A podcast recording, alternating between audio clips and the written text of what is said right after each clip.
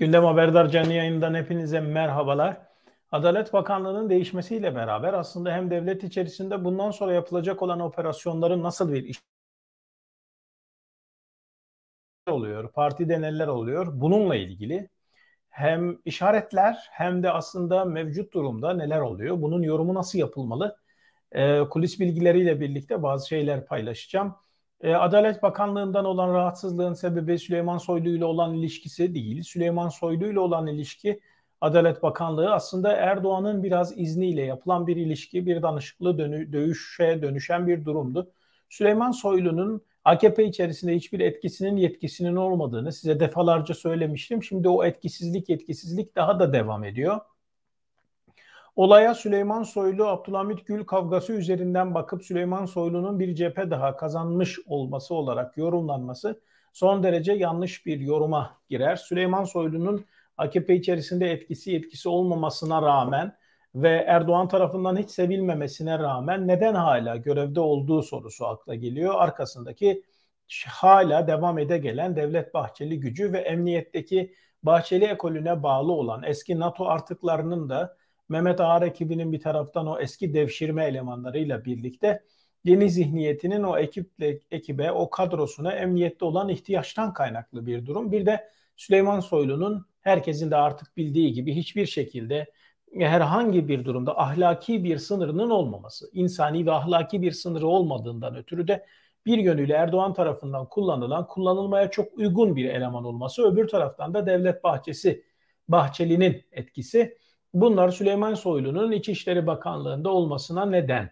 İçişleri Bakanlığı'nın ve emniyetin içerisinde olan o NATO artığı olarak tanımladığım milliyetçi muhafazakar derin devlet gelenekleri Bahçeli'nin eteği altında toplandığında Bahçeli o eteğinin altındaki gücü Süleyman Soylu ile birlikte kullanmayı tercih ediyor. Erdoğan'ın emrine amade hale getiriyor. Böyle olunca da Süleyman Soylu Erdoğan tarafından istenilmemesine rağmen bir yönüyle vazgeçilmez hale geliyor. Fakat çok da aman aman vazgeçilmez bir durum değil. Bir adım sonrasında işin Süleyman Soylu'ya geleceğini de e, kestirebiliriz. Neden? Onu da şimdi açıklayacağım. Önce gelelim e, Abdülhamit Gül'ün gitme meselesine, gönderilme meselesine. Abdülhamit Gül'ün gönderilme meselesinin temel nedeni aslında Süleyman Soylu ile olan kavgası değil, tam anlamıyla Erdoğan'ın oluşturmaya çalıştığı bir hukuk sistemi var. Bir hukuk bilimi var. Yıllardır Erdoğan bunun üzerinde çalışıyor. Bu hukuk sistemini Erdoğan avukatları aracılığıyla yürütmeye çalışıyor. E, medyada farklı farklı noktalarda duymuş olduğunuz İstanbul grubu hukuk içerisinde İstanbul grubu diye bir şey var. Bu İstanbul grubunu kısa özet bir şekilde tek kelimeyle pelikan diye özetleyenler var. Aslında pelikan, pelikandan daha ziyade bir şey. İstanbul grubu Berat Albayrak'la birlikte yürüyor ve Berat Albayrak'ın güdümünde ilerliyor gibi bir yorum yapılıyor ya. Bu doğru ama eksik. Eksik olan tarafı şu İstanbul grubu tamamen Erdoğan'ın kontrolünde olan bir grup ve Erdoğan'ın avukatları aracılığıyla ilerletilen bir grup. Yani Erdoğan'ın avukatları aslında Adalet Bakanlığı gibi çalışıyorlar. Adalet Bakanlığı'nda hukuk sisteminde yargı mekanizması içerisinde neler oluyordu? Öncelikle Üç ayrı kalemi var Adalet Bakanlığı'nda hukuk sisteminde. Abdülhamit Gül'e bağlı gibi gör. Daha doğrusu Abdülhamit Gül'e bağlı değil ama Abdülhamit Gül'ün desteğiyle ya da e, kendisince bir güç oluşturabileceği bir güç odağı vardı orada. Bu İsmail Ağa cemaatinin Hak Yolcular diye bilinen o grubunun yani sair tarikat ve e, farklı cemaatlere bağlı olan gruplar Abdülhamit Gül'le beraber kendilerini daha güçlü hissediyorlardı. Böyle bir yapı vardı. Abdülhamit Gül sanırım oradaki kadrolarla birlikte biraz böyle iş yapabileceğini ya da o kadrolara biraz güvenerek bakanlığını kendisinin işte bir bakan gibi işte hareket edebileceğini söyler ya da düşünür şekle sokulmuştu. Süleyman Soylu ile Erdoğan arasındaki zaten o problemi de bildiğinden Erdoğan zaman zaman Süleyman Soylu'ya karşı onu kullanıyordu. Fakat asıl temel şey olay e, hukuktaki sistemde yani şu an Adalet Bakanlığı içerisinde ilerleyen düzenle ilgili. O üç yapıdan bahsettim size. Biri Abdülhamit Gül'le birlikte İsmail Ağa cemaatinin ve diğer tarikat ve cemaatlerin ağırlıklı olmuş olduğu bir hukuk sistemi düşünün. Diğer tarafta bu Avrasyacılar olarak eski derin devletten gelen, Avrasyacı kökenden gelen yargı mekanizmasının bir varlığı vardı. Bir de diğer yandan bu milliyetçi muhafazakar ülkücü kendilerine öyle diyen ve MHP ile birlikte hareket eden Bahçeli'nin emri altında olan hukuk sistemi vardı. Şimdi Erdoğan'ın içinde bulundurmaya çalıştığı o İstanbul ekibi, İstanbul grubu nerede? Bu İstanbul grubu da Abdülhamit Gül'le birlikte çalışan, o tarikat ve cemaatlerle birlikte de hareket eden, kendine muhafazakar diyen o yapıyı da birlikte içine almaya çalışan bir grup. Çatı bir grup.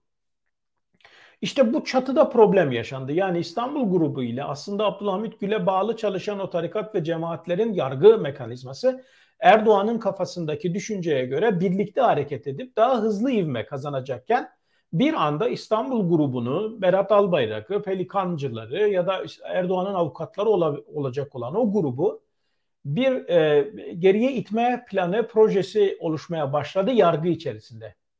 Neden böyle oluştu? Neden bu oldu? Abdülhamit Gül bir hata yaptı.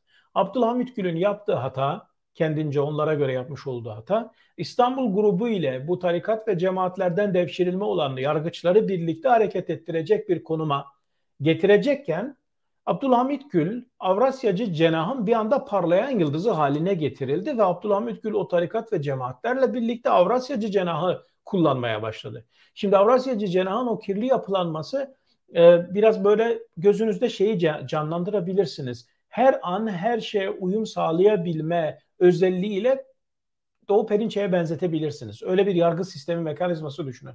Yani hemen öyle mesela Taliban'la ilgili diyelim ki bir durum olduğunda Doğu Perinçek kalkıp Taliban'ı bile sahiplenebilir ya.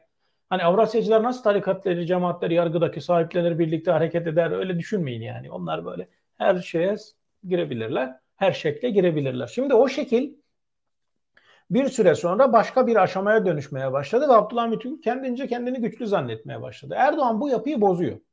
Erdoğan bu yapıyı bir yıl önce aslında bozdu. İki önemli atama yaptı Erdoğan. Bu iki önemli atama aslında İstanbul grubunun ayak sesleriydi ve Berat Albayrak'ın o Pelikan grubunun gelişiydi. Ben size defalarca buradan söyledim. Pelikan derken aklınıza Berat Albayrak gelmesin. Pelikan derken aklınıza doğrudan Tayyip Erdoğan gelsin. Eğer Pelikan grubunun şemasını çizerseniz en başa Berat Albayrak yazarsanız onun üstüne bir ok çıkarıp oraya da Erdoğan yazın. Pelikan demek Erdoğan demektir. Erdoğan geçen yıl belli bazı meselelerden dolayı Berat Albayrak'ı orada diskalifiye etse de bir kenara bırakmış gibi görünse de aslında o pelikan yapılanması parti içerisinde Erdoğan'ın istediği bir yapılanmadır. Erdoğan partiyi hala o yapı üzerine kurmak istiyor. Çünkü Erdoğan'ın güvenebileceği, arkasını dönebileceği, emanet edebileceği, makamını bırakabileceği hiç kimse yok partide. Altını tekrar çiziyorum. Hiç kimse yok. Şimdi böyle olunca İstanbul grubu demek Erdoğan'ın hakimiyeti demek. Şimdi Erdoğan oradan o grubu güçlendirme adına iki önemli atama yaptı. Bir Adalet Bakanı yardımcısıydı Hasan Yılmaz. Hasan Yılmaz doğrudan İstanbul grubunun içerisindeki sekreterya gibi çalışan biriydi. Bunu aldılar Adalet Bakan yardımcısı yaptılar. İkincisi de Yargıtay'daki adama İrfan Fidan'dı. Atama. İrfan Fidan'la Hasan Yılmaz'ı toplasanız ikisinden küçük bir Berat Albayrak çıkar. Böyle düşünün bu iki profili. Şimdi bu ikisi Adalet Bakanlığı'na geldi, geldiğinden beri bir yıl içinde Adalet Bakanlığı içerisinde çatışmalar başladı. Bu e, Avrasyacı cenahla birlikte hareket eden o halk yolcu siyasal, e, siyasal İslam kökeninden de gelen İsmail Ağa onlar birlikte hareket eden bu grupla bir anda bu Erdoğan'ın oluşturmaya çalıştığı İstanbul grubunun adamları arasında bir çatışma, bir sürtüşme yaşandı. Ama Hasan Yılmaz'ın gelmesiyle birlikte bu çatışma çok farklı bir noktaya taşındı İrfan Fidan'la birlikte ve artık İstanbul grubu yavaş yavaş hakimiyetini sağlamaya başlamıştı. Neredeyse bir yıldan beridir Abdülhamit Gül orada artık bir piyona dönüşmüştü.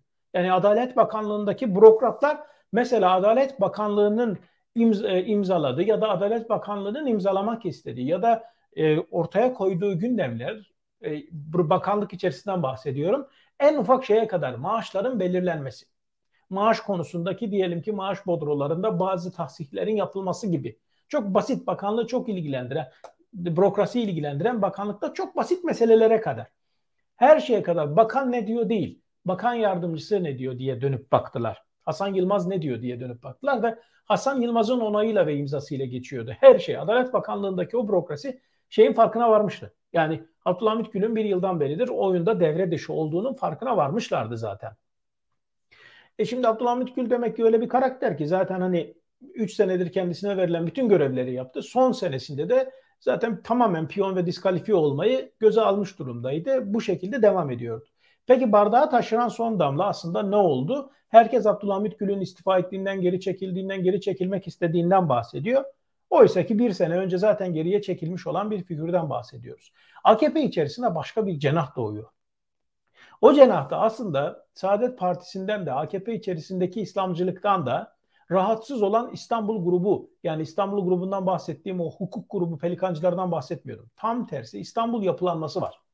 İslamcı İstanbul yapılanması. Bu yapılanmayı Numan Kurtulmuş yürütüyor.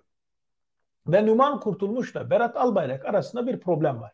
Erdoğan da bunun farkına varıyor. Yani Numan Kurtulmuş'un İsmail Ağa cemaatiyle, diğer tarikat ve cemaatlerle dirsek temasına girmesini, Saadet Partisi ve AKP içerisindeki İslamcılıktan rahatsız olanları da etrafına çalışma gayretini ve başka bir yapıyla bürünme değil. Bu yapıyı AKP'nin içerisinde güçlü bir şekilde diriltme ve AKP'yi kendi kontrollerine alma çabasını Erdoğan da biliyor. Ve Numan Kurtulmuş 6 ay önce bu İstanbul'daki siyasal İslam çalışmaları gibi görülen bu çalışmaları AKP içerisinde güçlendirirken eskiden de birlikte yol yürümüş olduğu Abdülhamit Gül'le sıcak temasları başladı. Aslında bir ara araları hiç de iyi değildi, bozulmuştu. Sonra tekrar yeniden sıcak ilişkiler, temaslar başladı. Numan Kurtulmuş'un temaslarının güçlü olmasının temel nedeni Abdülhamit Gül'ün Adalet Bakanlığı'nda güçlü bir pozisyonda görünüyor olmasıydı. Çünkü tarikat ve cemaatler, İsmail Ağa cemaati Adalet Bakanlığı'nda güçlü bir ekol haline gelmişlerdi. Ve Abdülhamit Gül orada bir güçlü karakter, figür olarak duruyordu. Şimdi böyle partiyi bu şekilde düşündüğünüzde yani bu Süleyman Soylu'nun işte etkisi yetkisinin olmadığını size söyledim. Bahçeli ile birlikte hareket eden bir ekol ve sıra onlara gelecek. Nasıl gelecek? Avrasyacı ekole sıra geliyor demiştim size. Avrasyacı ekolle 2018'den itibaren TSK'daki Avrasyacıların tasfiyesi çok zirveye çıktı. Öyle bir hale geldi ki TSK'daki Avrasyacılar tasfiye edildikten sonra TSK'da güçlerini kaybettikten sonra sıra yargıya, MIT'e, emniyete doğru sirayet ederek geliyordu. Çünkü gücü TSK'da kaybettiğiniz zaman başka bir aşamaya geçiyorsunuz. Şimdi Avrasyacılar tasfiye ediliyor ve yeni bir operasyon Gökhan Nuri Bozkır dosyasını size açmıştım, anlatmıştım iki gün önce. Oradan bundan sonraki adımlarda Avrasyacılara yönelik operasyonların olabileceğini söylemiştim. Şimdi Avrasyacılara yönelik operasyonlar olacaksa bugüne kadar kullanılmış, artık piyona dönüştürülmüş, tamamen karanlık elemanlar olan bu Avrasyacılar hukuk içerisinde kıyılmaya başlanacak. Sıra onlara geliyor.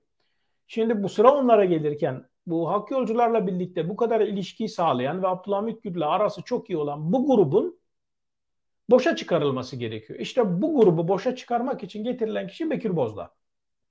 Bekir Bozdağ nedir? Bekir Bozdağ Pelikan'ı toplayın, İstanbul grubunu toplayın, her şeyi toplayın. Erdoğan'ın birebir kullanabileceği, tam tanımla anlatılabilecekse Bekir Bozdağ Erdoğan için sadece şunu söyleyebiliriz. Emir eri. Yani hiçbir şekilde bir genelkurmay başkanı düşünün. Bir de emir erini düşünün. O emir eri genelkurmay başkanı herhangi bir şey söylediğinde bir şey söyleyebilir mi? Bir şey yapabilir mi falan. Pazara gönderse pazara gider. Git arabamı getir dese gider arabasını getirir. Bekir Bozdağ böyle bir figür. Yani herhangi bir şekilde bir etkisi, yetkisi, e, bir herhangi bir durumda bir sözü olabilecek biri değil. Tam anlamıyla şimdiki düzende Erdoğan'ın her dediğini eksiksiz yapabilecek, yapacak ve hiçbir zaman yorum katmayacak olan bir figür geldi. Sadece bir bakan olarak değil, bir figür olarak değerlendirebilirsiniz. Şimdi bu figür üzerinden yeni bir bu operasyon silsilesi bu, bu illa açıktan olacak değil. Şöyle anlamayın. Hakimler, savcılar bunlar açığa alınacak, evlerine baskınlar yap. Böyle değil. Böyle değil.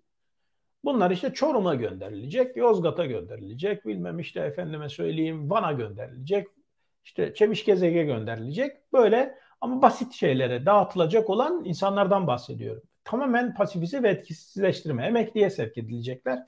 Böyle olacak. Bir iki isim kamuoyunda çok böyle öne çıkmış olan isimlerle ilgili de farklı operasyonlar olabilir. Onlar da Avrasyacılara gözdağı vermek için olabilecek operasyonlar olur. Onlar da hapse girerler. Girebilirler. ihtimal yüksek. Bunun için Bekir Bozdağ lazımdı. Bekir Bozdağ bu lazım üzerine geldi işin içerisine yerleşti. Parti içinde neler oluyor? Parti içerisinde de Berat Albayrak Erdoğan hala bütün yatırımını Berat Albayrak'a yapmış durumda. Yani vesayetçi ve vekaletçi olarak onu düşünüyor. Ama öyle bir duruma geldi ki parti içerisindeki bütün gruplar yani bu MHP'ye yakın olan gruplar, Avrasyacı gruplar, bu cemaat ve tarikatlara yakın olan gruplar, bütün bunların tamamı Berat Albayrak'tan nefret eder hale gelince ve Berat Albayrak bakanların üzerinde yürünce en son sarayda işte e, Naci Bostan'ın üzerinde yürüyünce böyle olayları yaşanınca artık bir kenara bırakılmak durumunda kaldı ama kenarda durmadı. Yani sistem Erdoğan'ın istediği şekilde yürümek zorunda olduğu için kenarda kalmadı. Bunu Berat Albayrak'a bir rol, bir görev, önemli bir karakter biçmeyin. Yani Erdoğan bunu yapmak zorunda. Ondan başkası yok elinde. Erdoğan bu pelikan yapılanması içerisinde Nebati'yi getirmesi ne anlam ifade ediyorsa, Nurettin Nebati'yi, Bekir Bozdağ getirmesi aynı anlam ifade ediyor. Yani Erdoğan'ın istediği kafasındaki Berat Albayrak'ın vekaletiyle yürütecek olan partinin dizaynı ile karşı karşıyayız. Burada da Numan Kurtulmuş'un işte kendince bir alan açmaya çalışması, bir liderlik liderlik oyunu oynaması ve Adalet Bakanlığı'na tutunarak bu işi yapmaya çalışması karşısında önce Adalet Bakanlığı gitti. Şimdi önümüzdeki süreçte bir süre sonra Numan Kurtulmuş'un etkisiz, etkisiz, etkisizleştirildiğini de görmeye başlayacağız. Gerçi çok fazla hani zaten o etkili yetkili bakanlıklarda bir türlü yer alamadı. Sıra ona yavaş yavaş geliyor. E, bu bunu bir kenara bırakın. Diğer bir konu Avrasyacılar hukuk içerisinde tamamen etkisizleştirilip Erdoğan'ın İstanbul grubu tek anlamıyla güçlü hale gelince işte o zaman MHP grubu olarak bilinen, ülkücü grup olarak bilinen, o eski Süleyman Soylu'yla da birlikte çalışma kabiliyeti geliştirenlere sıra gelecek adım adım aşama aşama Erdoğanizmin inşası yaşanıyor. Erdoğan işte ilerlerken 2000'li yıllarda 2012 yılından itibaren bir şekilde Avrasyacılara tutunup ardından başkanlık sistemiyle beraber MHP ekolüne, Bahçeli ekolüne tutunarak hareket edip gelişti. Kendini bir noktaya kadar getirdi. Şimdi kendi elemanlarını hem yargı içerisinde hem MİT'in içerisinde hem TSK içerisinde yerleştirmeye çalışıyor. Böyle bir operasyonla karşı karşıyayız. Bu operasyonları yaparken de Diğer tarafları yani bağlı bulduğu, birlikte hareket ettiği, birlikte zorunlu olarak hareket ettiği klikleri de tasfiye ediyor. Sıra Avrasyacılara geliyor. Avrasyacılarla 2018'den itibaren bu yapılıyor. Bir kenara bırakıldılar. Çürük, çarık hale geldiler. Hani şimdi şöyle bir şey oluyor. Bazı insanlar ısrarla inatla şunu söylüyorlar. Yok derin devlet mekanizması çok güçlüdür. Yok işte Ergenekon gibi yapılanmalar çok fazladır. Bunlar 100 yıllık yapılanmalardır. Bunlar böyle işte öyle kolay kolay tasfiye edilecek şeyler değildir Sait Bey. Siz hiçbir şeyden de haberiniz yok bilmiyorsunuz öyle şeyleri canım. Erdoğan dediğin ne ki falan bak bunlar yarın öbür gün bunu indirecekler falan gibi fantaziye sahip olan düşünceler var. Fantastik oluyor artık bunlar. Niye fantastik oluyor? Bu paradigmalar çoktan değişti. Erdoğan kimin ne olduğunu ne yaptığını çok iyi biliyor. Erdoğan'ın önüne böyle şey verildi, bir hazine verildi Erdoğan'a. Kim kimdir? Devlet içerisinde ne nedir? Kim kimdir? Kim görevlidir? Nerede görevlidir? O gizli görevler kimlerindir? O işte kozmik bilgiler nelerdir? Bu Erdoğan'ın ayağının altına serilmiş oldu bu bilgi. Bundan daha güçlü bir şey, daha büyük bir güç yok. Yani düşünün ki Bülent Ecevit'e derin devlet yapılanması ile ilgili binde birlik bir şey gösterildi. Adam suikaste uğradı. Bülent Ecevit. Öldürmeye çalıştılar. Ve ne olursa olsun üzerine gideceğim diyordu bu yapılanmaların. Sonra üzerine gidecek dönemin savcıları Doğan Öz gibi savcılar da öldürüldü. Şimdi binde bir gibi ne binde bir milyonda bir gibi bir bilgiye sahip olan o dönemin başbakanı böyle durumlarla karşılaşırken Erdoğan'a o bilgilerin tamamı ayaklarının altına serildi. Yani Erdoğan o bilgilerin tamamını biliyor. Kozmik odalar, kimin görevlileri, kim Avrasyacıdır, kim ülkücü MHP'ci, NATO'cudur, kim nedir, derin devlet nasıl çalışır, kimler görevlerin başındadırlar, neler yaparlar, hangisi etkilidir, hangisi yetkilidir. Bunların hepsini Erdoğan kullana kullana atmaya başlıyor. Bu onun gücü zaten. Erdoğan'ın gücü. O bilgiyi elde etmiş olma gücü. Dolayısıyla da tek bir derin devlet yapılanmasına doğru kendi içerisinde gitmeye çalışıyor. Giderken de eskiden çok güçlü olan yani mesela 20 yıl önce 30 yıl önce konuşulsaydı bunlar fantazi düşünceler demezdim zaten. Biliyorsunuz ben size aşama aşama 2010'dan itibaren 11'den itibaren hem televizyon programlarında hem kendi programlarımda hem haberdardaki programlarda yazılarda derin devlet mekanizmasının bütün haritasını gen haritasını anlatıyorum size. Ne zamana kadar güçlüydüler, ne kadar güçlüydüler, nereye kadar güçlüydüler. Bunların hepsini anlatıyorum. Mesela 15 Temmuz'dan hemen sonra Avrasyacılar çok büyük bir güce kavuşmuşlardı. Çok büyük bir güce kavuşmuşlardı. O gücü kendilerinden bilmeye başlamışlardı. Ama bir sene sonra Erdoğan öyle bir tırpanladı ki neye uğradığını şaşırdılar. 2018'de de en büyük darbeyi yediler bunlar. Ve çil yavrusu gibi dağıldılar. Dolayısıyla da hani şu an görünen manzara işte tamamen etkisizleştirmeye çalışılan, diğer klikleri ortadan çıkarmaya çalışan bir Erdoğan yapılanması, bir Erdoğanizm yapılanmasıyla karşı karşıyayız. Adalet Bakanlığı'ndaki bu sembolik değişiklik, çünkü neden sembolik? Abdülhamit Gül'ün de bir etkisi yok. Gelen Bekir Bozdağ'ın da bir etkisi yok. Her şey Erdoğan'ın oyunu üzerine geçiyor. Bu sembolik değişikliğin altında böyle büyük devleti ilgilendiren ve parti ilgilendiren büyük anlamlar var. Parti içerisindeki kavgaların da ortaya çıkmasının en bariz göstergeleridir. Şimdi Numan Kurtulmuş ekolü olarak bilinen, AKP içerisinde sızmaya çalışan, kendi içinde kendi yapısını oluşturmaya çalışan yeni bir grupla karşı karşıyaylar. Bir nevi de bunun tasfiyesi söz konusu olacak. Bundan sonra ne olur? Olacak olan şey bellidir. Bugüne kadar ne oluyorsa onlar olur. Nasıl ki haksızlık, hukuksuzluk, adaletsizlik zirvedeyse bu zirve daha da tırmandırılır. Daha başka bir noktaya getirilir. Kurşun asker olan Bekir Bozdağ gelmiştir. E, tamamıyla emir eri görevi yapar. Erdoğanizmin etkisi daha ağır bir şekilde hukukta, yargıda, yargı mekanizmasında işler. Bundan sonra 2012'den itibaren suç ortağı haline gelen gerek e, Avrasyacı ekolün e, 2015-16'dan sonra da bu Bahçeli ekolünün suç ortakları olan bu Bahçeli ekolünün birbiriyle tasfiyesine, birbirlerinin ayaklarına basmasına neden olur. 2012'de birlikte olduğu Avrasyacı ekolü Erdoğan, tekrar söylüyorum 2018'de zaten büyük oranda tasfiye etmişti. Şimdi onun son kalıntılarını, kırıntılarını temizleyecekler. Gökhan Nuri Bozkır olayına da bu açıdan bakın diye anlatmıştım size. İşte Adalet Bakanlığı da buna yönelik bir Adalet Bakanı olarak karşımıza geliyor. Bu olayın bu tarafı var. Dengeler iyice Erdoğan'ın lehine gelişmiş durumda devam ediyor. Bu dengeyi de sağladıktan sonra Erdoğan'ın yapacağı şey Süleyman Soylu ile beraber bağlı olduğu o ekolü Süleyman Soylu'yu görevden almak olur ve sonra da o MHP içerisindeki o ekolü tasfiye etmesi olur. Ha bu Cumhur İttifakı'na nasıl bir zarar verir? Bahçeli buna ne kadar direnebilir? Bahçeli o durumda neler yapabilir? Bahçeli Cumhur İttifakı'ndan ayrılır başka bir şey mi yapar? Bu tip şeyler aklınıza gelebilir. Ama Erdoğan e, attığı adımlarda siyaseten çok akıllı adımlar atıyor. Erdoğan Bahçeli'nin kendisi için hiçbir fayda sağlamadığını anladığı andan itibaren bu kavgayı başlatır. O zaman Süleyman Soylu'yu ıskartaya koyar. O zaman da kim öyle kim kala neler olur neler biter o zaman da görmüş oluruz. Kendi yapılarını oluşturmaya çalışan bir grup var. Bu grup Erdoğan'a bağlı olarak çalışıyor özetle. Adalet Bakanlığı'nda da bunlar karşımıza çıkıyor. Bunun haricinde fazla bir anlam yüklemek anlamsız. Şimdilik konuyu burada bırakalım. Çünkü ben sadece bir konuyu işlemek için buraya geldim. Karşınıza geldim.